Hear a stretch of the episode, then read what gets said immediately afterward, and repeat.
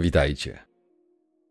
Mając już podstawową wiedzę z poprzednich odcinków o zachowaniach i schematach pań, możemy dzisiaj głębiej przyjrzeć się kolejnemu aspektowi, który, gdy będziesz znał, mocno skomplikuje nieuczciwym paniom wykorzystanie męskiej prostoduszności, a często wręcz naiwności.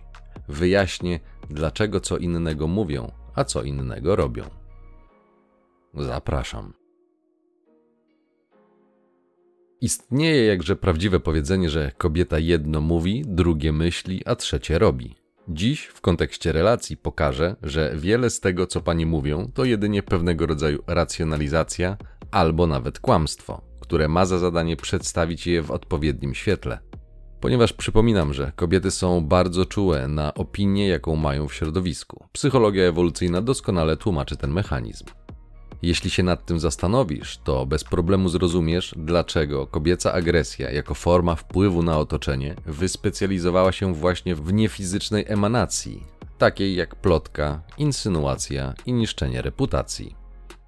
Ze względu na lepsze ewolucyjne wyspecjalizowanie się w używaniu języka i wychwytywania jego znaczeniowych subtelności, panie potrafią lepiej posługiwać się tym orężem, mają po prostu na tym polu przewagę, tak jak męską przewagą jest siła fizyczna. Dlatego zachęcam Cię do rozwoju i poznawania mechanizmów, jakie stosują. I niech nie zwiedzie Cię fakt, że część z nich naprawdę nie ma świadomości tego, co czyni. Robi to instynktownie, ale to nie umniejsza skuteczności tych metod. Pozostała część robi to z pełną premedytacją, dlatego musisz wiedzieć, na czym stoisz. Zapewne nieraz słyszałeś lub czytałeś stwierdzenie ze strony kobiet, że liczy się wnętrze. To jest właśnie przykład takiego postępowania, ponieważ najczęściej jest używane przez panie, które dziwnym trafem same, mówiąc delikatnie, nie są najbardziej atrakcyjne, nie mają tego atrybutu, więc muszą przekierować uwagę na inny aspekt.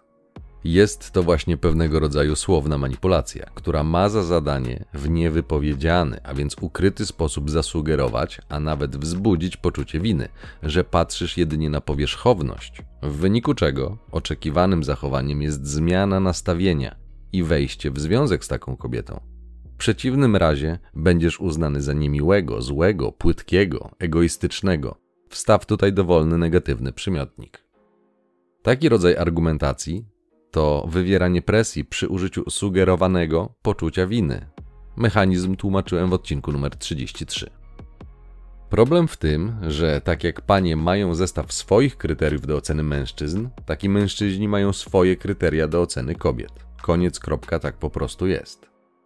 Normy kulturowe regulowały ten biologiczny mechanizm, ale to już przeszłość. Im młodsze dziewczyny, tym bardziej będziesz to widział. Z tego powodu ludzie, którzy są na przykład około pięćdziesiątki, a nie mają styczności ze współczesnym rynkiem matrymonialnym, twierdzą, że Red Pill to jakieś bzdury.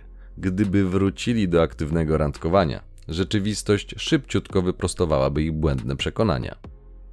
Atrakcyjność wizualna i fizyczna jest oczywiście kluczowym kryterium w naszym męskim przypadku, ponieważ sugeruje zdrowie i płodność, a więc potencjał do urodzenia dziecka. To czysta biologia, my też mamy gadzi mózg.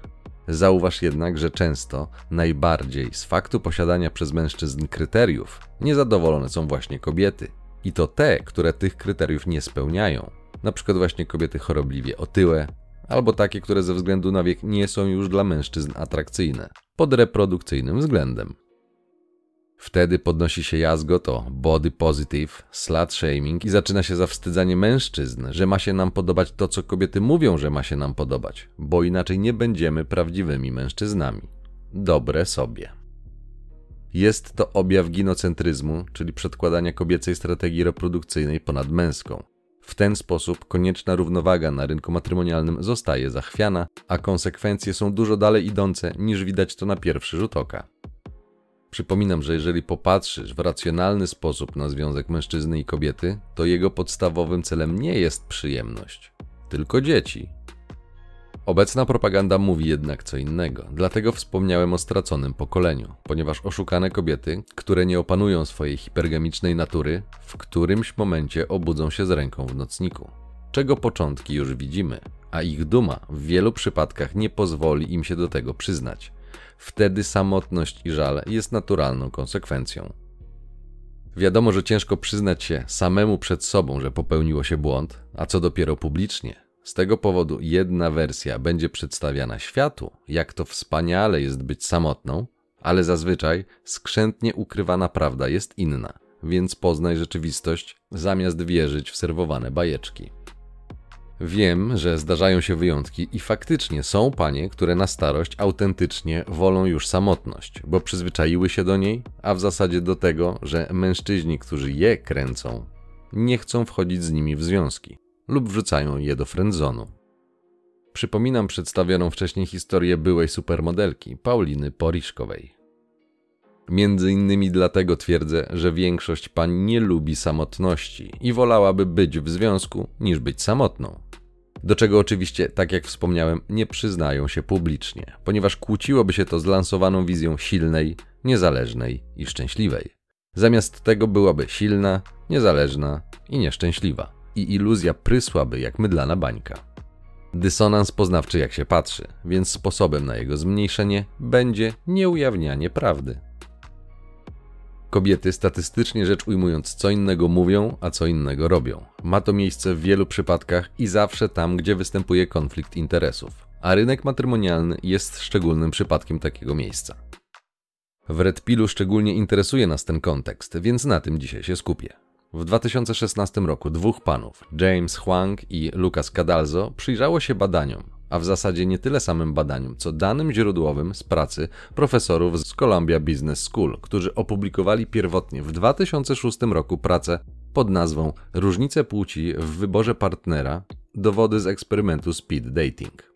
Huang i Cadalzo efekty swojej pracy zatytułowali jakże wymownie Brzydka prawda o decyzjach ludzi w szybkich randkach. Link umieszczę w opisie. Uczestnicy pierwotnego badania, mężczyźni i kobiety, przy okazji szybkich randek w latach 2002-2004 byli proszeni o udzielenie informacji, m.in. określenie swoich kryteriów, jakimi kierują się przy wyborze osoby do kolejnego spotkania.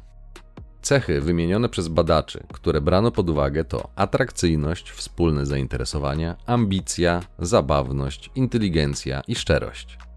Rozkład tych deklarowanych cech poszukiwanych u przyszłej randki przedstawiał się tak jak na tym wykresie.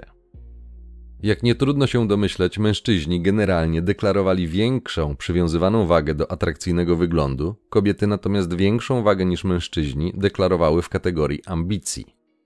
Reszta kategorii uzyskała zbliżone oceny jako deklarowane i pożądane kryteria wyboru. Już tutaj zwracam uwagę na kobiece deklaracje w zakresie ambicji. To nic innego jak oczekiwana społecznie i racjonalna z punktu widzenia wychowania potomstwa strona beta hipergami. Ambicja oznacza silne pragnienie odniesienia sukcesu, a faktyczne odniesienie sukcesu najczęściej idzie w parze z dobrymi zarobkami, czyli sławne alfa szmaci, beta płaci.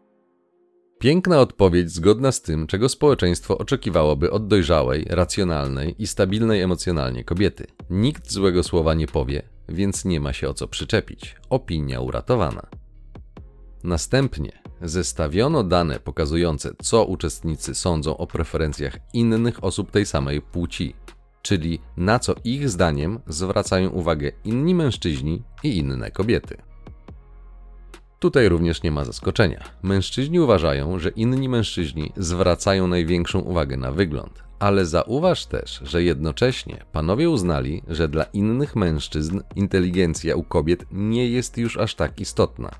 Tak, tak, nikt nie będzie działał przeciwko swojemu interesowi, więc będzie starał się wypaść bardziej w zgodzie z oczekiwaniami społecznymi, aby przypadkiem nie zmniejszać swoich szans i lepiej wypaść. Takie tam malutkie kłamstewko.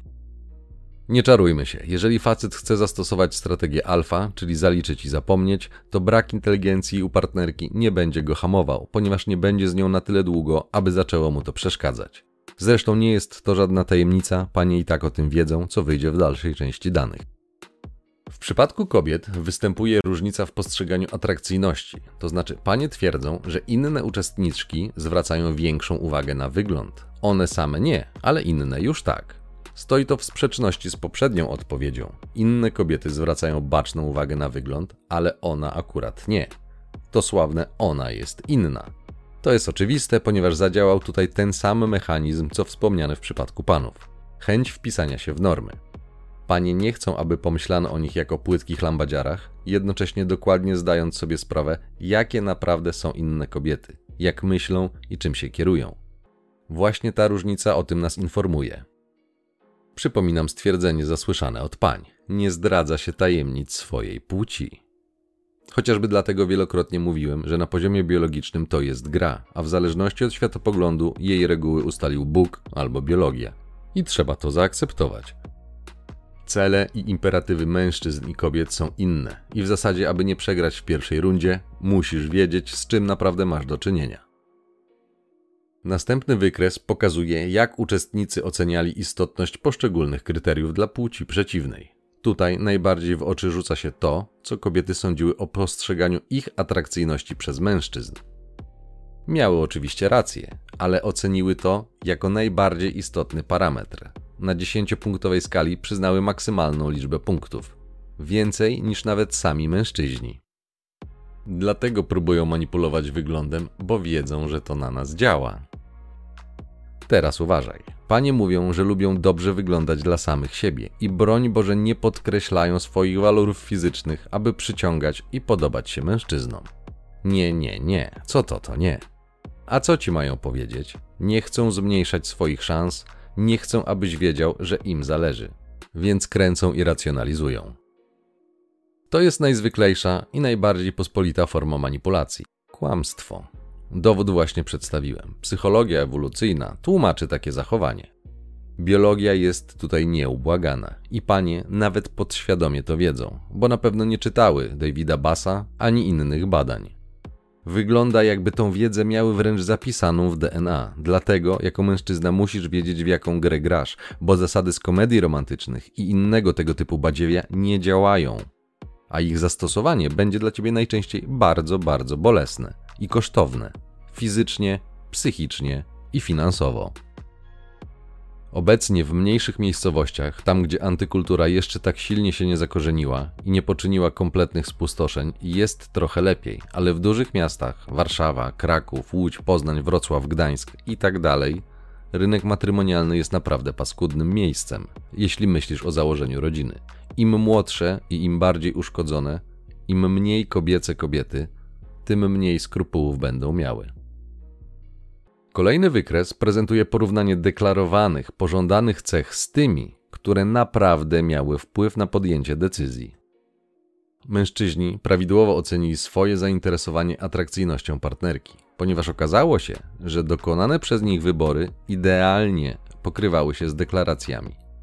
Mylili się natomiast w pozostałych kategoriach. Przy czym warto zauważyć, że też woleli kobiety, z którymi dzielili zainteresowania i nie zwracali uwagi jedynie na seksapil. Zwróć uwagę, jak to się ma do serwowanej przez feministki narracji, jakoby mężczyzna to był jedynie bezduszny, patriarchalny macho, który jedynie na co patrzy, to aby wykorzystać bezbrodną kobietę. Niezła propaganda i dezinformacja kobiet. Panie natomiast myliły się we wszystkich swoich prognozach. Ich faktyczne wybory odbiegały od tych deklarowanych. Co ciekawe, nie przykładały aż takiej wagi do tego, czy mężczyzna jest szczery i inteligentny. Statystycznie częściej wybierały atrakcyjnego wizualnie, zainteresowanego i zabawnego mężczyznę, co kłóciło się z deklaracjami. Co innego twierdziły, co innego czyniły. Mając małe doświadczenie z kobietami w realu, dodatkowo stawiając je na piedestał, możesz łatwo wpaść w tą pułapkę. Dlatego patrz zawsze na czyny, a nie słowa, bo słowa nic nie kosztują. Po raz kolejny i będzie to wychodziło za każdym razem, statystycznie rzecz biorąc, panie kierują się emocjami, miłymi odczuciami, a nie logiką. W uproszczeniu, emocje generowane są przez podświadomość, która ma swoje obecnie głównie biologiczne kryteria bo te społeczne są sukcesywnie niszczone, a wraz z nimi rodzina. Jeśli chcesz być skuteczny, zapomnij o logicznym przekonywaniu kobiet do tego, że jesteś atrakcyjnym mężczyzną. Musisz dać im to odczuć. Cindy Lauper śpiewała: Girls just wanna have fun. Logiczne wykładanie argumentów jest dobre w debacie, a nie przy wzbudzaniu pożądania. Gadzi mózg nie jest logiczny, a proces wyboru partnera to w przypadku zdecydowanej większości kobiet właśnie kwestia podświadoma i emocjonalna, a nie logiczna. No chyba, że są już po ścianie i nie mają szans na osiedlenie alfy. Więc wtedy kalkulują. Mówią, że już się wyszumiały i teraz szukają prawdziwej miłości.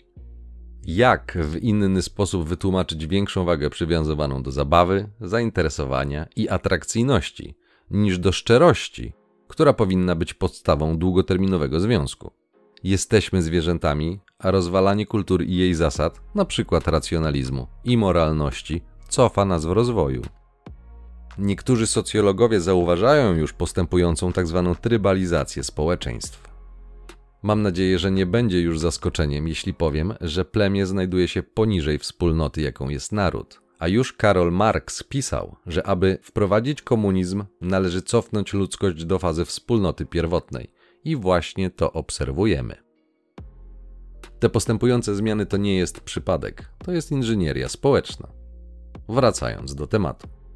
Obie płcie mają swoje odrębne i przeciwstawne strategie reprodukcyjne. Kobiety, mówiąc kolokwialnie, przy doborze partnera idą w jakość i jest to oczywiste, tłumaczyłem to w poprzednich odcinkach.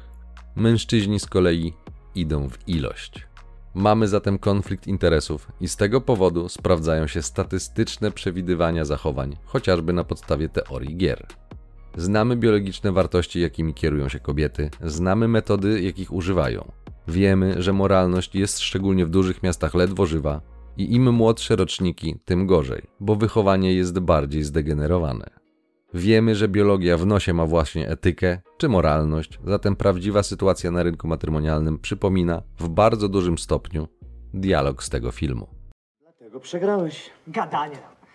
Przegrałem, bo pan miał szczęście. Szczęście? Szczęście trzeba umieć sobie zorganizować. Poker jest sztuką oszustwa, przyjacielu. Graliśmy uczciwie. Ty oszukiwałeś, ja oszukiwałem. Wygrał lepszy. Nie mówię jak powinno być, mówię jak jest. Przypominam, że według Laurensa Kolberga naturalna moralność kobiet w zasadzie niewiele różni się od moralności Kalego i rzadko kiedy występują od tego wyjątki. Jak zatem widać, kobiety kierują się swoimi biologicznymi celami, a z ewolucyjnych powodów są przy tym bardzo pragmatyczne. Dzięki temu jesteśmy dzisiaj na tym świecie. Dlatego trzeba to zrozumieć, bo przez to nie będzie rozczarowania, jak ten świat działa, a daleki jest od bajki. Panie są przeciętnie lepsze w sztuce komunikacji oraz znają swoje atuty i wykorzystują je, aby zmaksymalizować swój zysk i nie narazić się przy tym na ostracyzm społeczny. Muszą więc lawirować, czyli co innego deklarować, a po cichu robić swoje. Tak działa ten świat, dlatego mówiło się, że mężczyzna jest głową, a kobieta jest szyją, która tą głową kręci. Zwróć uwagę, że dziwnym trafem, kiedy następuje rozwód, to najczęściej na tarczy wychodzi z tego kobieta, a nie mężczyzna. Jeśli myślisz, że to przypadek, to przemyśl to jeszcze raz, ponieważ obecnie małżeństwo jako instytucja jest absolutnie nieopłacalne dla mężczyzny. Na dodatek nie istnieje ani jedna istotna korzyść, której jako mężczyzna nie możesz osiągnąć bez zawierania takiej umowy prawnej. Mam świadomość tego, że jeśli jesteś wypuszczony, a zainteresuje się tobą jakaś kobieta, to przestajesz myśleć logicznie i możesz dojść do fałszywego wniosku, jakie wielkie szczęście cię spotkało, ponieważ jest ładna i nie wygania cię z sypialni. Okres demo jest właśnie po to, abyś tak właśnie myślał. Nawet uczciwe kobiety będą w ten sposób działały. Manipulantki będą na tym wręcz bazowały i bombardowały miłością. Im ładniejsza będzie, tym trudniej będzie ci trzymać granicę. To jest właśnie potęga pusi, która triggeruje gadzi mózg. Jeśli nie masz doświadczenia i nie znasz tego schematu, polegniesz, a panie o tym wiedzą i emanują tym. Dlaczego w klubach występują wystrojone i często roznegliżowane kobiety? To pytanie retoryczne. Na pocieszenie powiem, że w drugą stronę działa to dokładnie tak samo. Dlatego musisz znać zasady gry i stosować je w praktyce, jeśli nie będziesz simpem i będziesz szanował siebie, to zwiększasz swoje szanse na rynku. Chociażby dlatego, że dużo trudniej będzie zrobić z ciebie beta-orbitera, który za bliżej nieokreśloną, mglistą obietnicę umówienia się na kawę i może dotknięcia kolana będzie latał z wywieszonym jęzorem i wyświadczał darmowe przysługi i dostarczał darmowej atencji. Szanuj się i bądź pragmatyczny. Dokładnie tak jak panie. To, że co innego mówią, a co innego robią, to po prostu próba maksymalizacji swojego zysku. W wielu toksycznych związkach kobieta będzie wymagała od ciebie szczerości, ale sama już ci jej nie da. Pomyśl przez chwilę, po co jej twoja szczerość. po to, żeby zawczasu wiedziała czego się spodziewać i ewentualnie aby przygotować się na to. Wynika to ze strachu, który potęguje potrzebę kontroli. Paradoks polega na tym, że mężczyzna, którego nie można kontrolować, oraz taki, który potrafi być nieprzewidywalny, jest uznawany za silnego, co powoduje, że pojawia się pożądanie. Teraz ciekawostka. Czy jako, jak zakładam, logiczny mężczyzna spotkałeś się z sytuacją, że obiektywnie rzecz biorąc, kobieta miała rację w jakiejś sytuacji? Jeśli tak, to zapewne zauważyłeś, że argumenty, jakich pani używała, były wtedy na 100% prawdziwe, ponieważ prawda stała wtedy za nią. A nawet jeśli ty próbowałeś erystycznie zmieniać kontekst, czyli odwracać kota ogonem, kobieta najczęściej nie pozwalała na to. Dlaczego wtedy nie pozwalała sobie na nieprawdziwe stwierdzenia i bardzo pilnowała, abyś to ty w tej rozmowie był prawdziwy i trzymał się faktów? Ano dlatego, że wtedy było jej to na rękę. Lecz w odwrotnej sytuacji, kiedy to ty masz obiektywną rację, a pani jest w błędzie, wtedy będzie robiła wszystko, abyś to ty odstąpił od swojego stanowiska, stosując wszystkie sztuczki, jakie zna: erystyka, shaming, przedstawianie się jako ofiara, co ma wzbudzić poczucie winy, żebyś przypadkiem nie wykazał jej błędu albo kłamstwa. W takich sytuacjach, a na pewno się w nich znajdziesz, musisz trzymać się swoich solidnych argumentów i nie pozwolić na de facto odwrócenie kota ogonem albo zmianę tematu. Panie tak robią, ucz się od nich. Na domiar złego ich wrodzony solipsyzm pozwoli im tak robić bez cienia zażenowania i mrugnięcia okiem. Jeśli trzeba będzie, delikatnie mówiąc, mijać się z prawdą, to nie będzie to żadną przeszkodą. Dlatego musisz wiedzieć. Prawdopodobnie jeszcze nikt nigdy nie słyszał, aby jakakolwiek kobieta wypowiedziała do mężczyzny następujące słowa: Przepraszam cię, kochanie, masz rację, myliłam się. Ta gra potrafi być brutalna, dlatego wcześniej powiedziałem, że z nowo poznanymi kobietami warto stosować zasadę ograniczonego zaufania. Niech nie zwiedzie cię zgrabna figura i ładna buzia, bo to nic innego jak wykorzystywanie efektu aureoli. Panie upiększają się, aby być bardziej atrakcyjną, czyli po prostu dla korzyści, ale nie mogą tego przyznać, bo wtedy wyjdzie, że im na tym zależy, a zatem zorientowany mężczyzna będzie miał przewagę, bo pozna to, na czym im tak naprawdę zależy. Zasada efektu aureoli jest taka, że im ktoś jest bardziej atrakcyjny lub ładniejszy, tym umysł ma tendencję do przypisywania takiej osobie również innych pozytywnych cech, np. prawdomówności. Rozumiesz już, jak to działa? Antropolodzy już w pierwotnych kulturach znajdowali różnego rodzaju biżuterię, z którą kobiety były chociażby chowane. To nie jest przypadek, więc nie daj się nabrać, że jest inaczej. Wchodzenie w związek dzisiaj to bardzo często swoista gra pozorów. Prawda wcześniej czy później i tak wyjdzie na jaw, a poznasz to po zachowaniu. Dlatego zawsze patrz na czyny, a nie słowa. A propos wyglądu. Na swoich treningach obserwuję czasem, jak ćwiczą kobiety, na czym się skupiają. Te, które zapuszczają się już na strefę wolnych ciężarów, a nie reprezentują jeszcze poziomów zawodniczych, najczęściej pompują uda i pośladki. Przysiady, wykroki, hip thrust, glute bridge, rumuńskie martwe ciągi itd. Tak Katują to jak złe. Dlaczego takie ćwiczenia? Żeby im się na krześle wygodniej siedziało? No nie bardzo.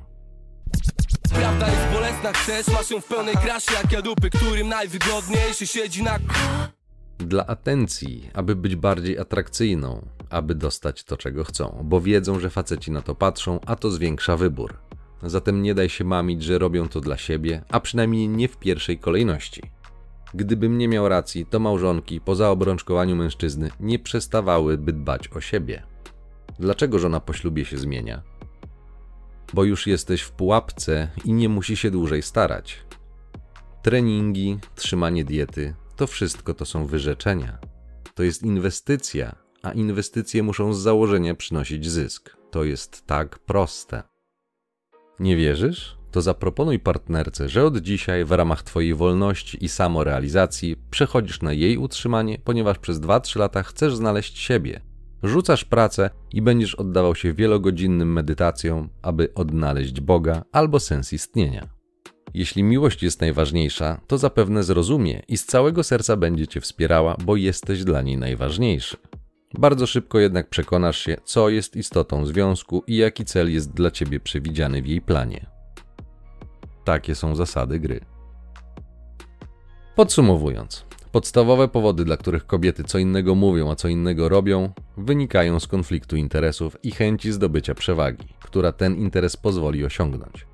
Kłamstwo to najprostsza forma manipulacji, bo zmienia postrzeganie świata, a to wpływa na podejmowane decyzje drugiego gracza. Dlatego musisz wiedzieć, jakimi podstawowymi interesami kierują się kobiety, ponieważ oszczędzi to wiele problemów. Będziesz też wiedział, jakiego rodzaju pań do zbudowania z nią swojego stada trzeba wystrzegać się jak ognia, bo wprowadzą do twojego życia jedynie dramat.